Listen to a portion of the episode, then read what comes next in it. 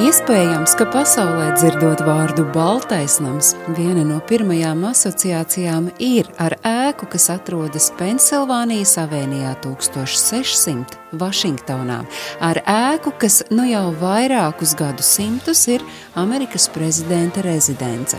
Baltais nams neapšaubāmi sevi var saukt par vienu no būtiskākajiem un zināmākajiem arhitektūras objektiem Amerikā, un ikvienam šeit vārdu salikums Baltais nams ir vienlīdzības zīme ar ASV prezidenta māju, kuras fasāde arī ir balta, un iemesls, kam dēļ tā ir baltā krāsā, ir nevis dekoratīvs, bet tīri praktisks. Zemes gabalu prezidenta rezidences celtniecībai 1791. gadā izvēlējās tā brīža Amerikas prezidents Džordžs Vašingtons.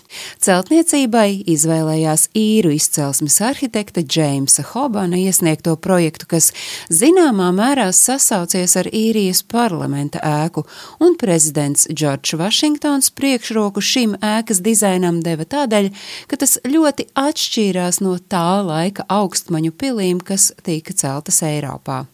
Un jau nākamā gada 10. novembrī tika ielikts pamatakmens. Astoņus gadus vēlāk prezidents Džons Adams un viņa sieva Ebigēla pārcēlās uz joprojām nepabeigto rezidenci.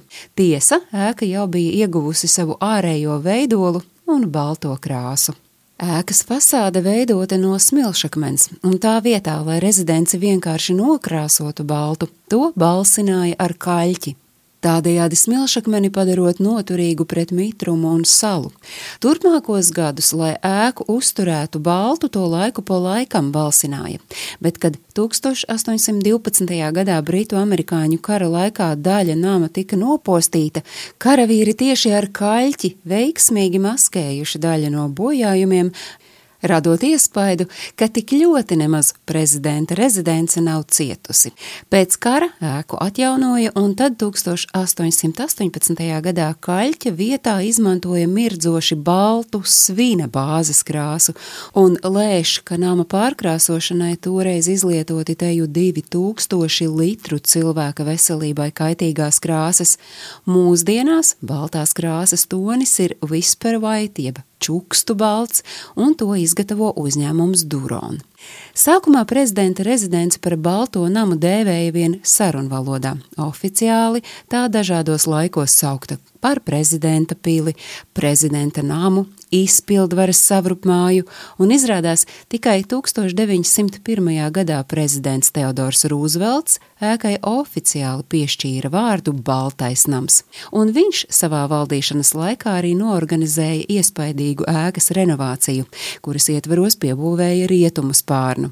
Rezidences sešos stāvos ir 132 istabas, 35 vannas istabas, 412 durvis, 1470 28 logi, 28 kamīni, 8 kāpņu telpas un 3 lifti.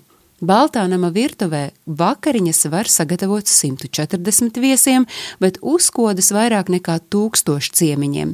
Tiesa, iegādātās pārtikas rēķinu apmaksā valsts pirmā ģimene paši.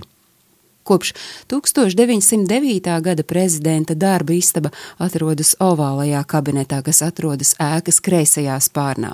Starp citu, Karolīna un Džons Kenedija pirmie ovālo kabinetu izdekorēja Helovīnam, un jāteic, ka te jau katrs no Baltānama iemītniekiem veicis ēkā vai apkārtnē kādus pārkārtojumus vai jaunievedumus. Tā Ričards Niksons izveidoja bowlinga laukumu, kamēr Baraks Obama tenisa kortus pār pārveidoja tā, lai tur varētu spēlēt arī basketbolu. Un starp citu, sabiedrība jau sen terminu Baltais nams lieto kā ASV prezidenta administrācijas sinonīmu. Baltais nams attēlots arī uz 20 dolāru naudas zīmes, stāstīja Agnese Drunka.